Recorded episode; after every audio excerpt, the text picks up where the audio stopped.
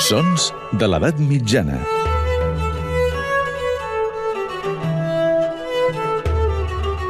Amb Maria Montes.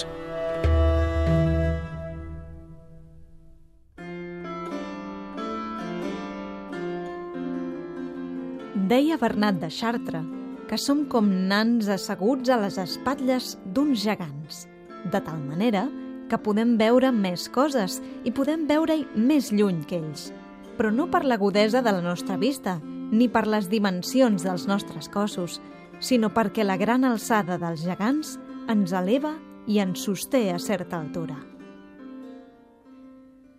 Són paraules de Joan de Salisbury, que al segle XII sintetitzava una idea fonamental durant l'edat mitjana, la importància del saber de l'antiguitat, imprescindible per desenvolupar nou coneixement.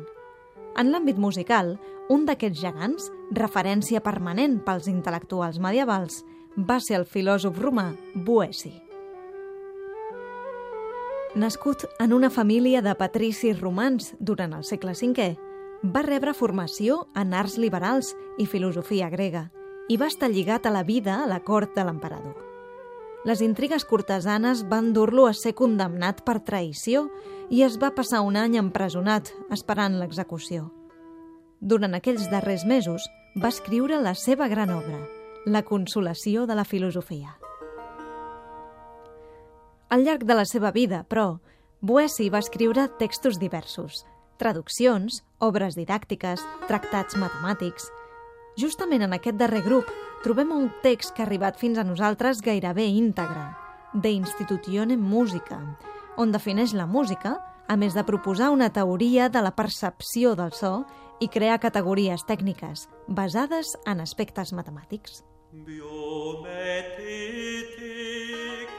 Així doncs, Boeci dividia la música en tres grans dominis.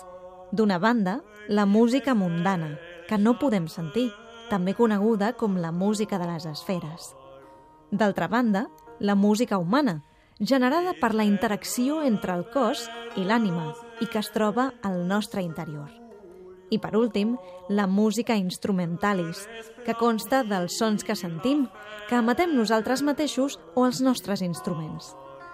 Un altre dels aspectes que va tractar va ser la consonància dels sons, les proporcions i relacions dels quals va desenvolupar a través d'un instrument anomenat monocordi.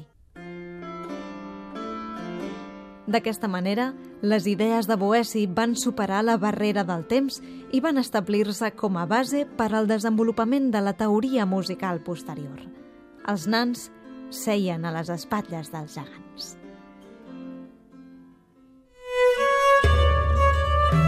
Sons de l'edat mitjana.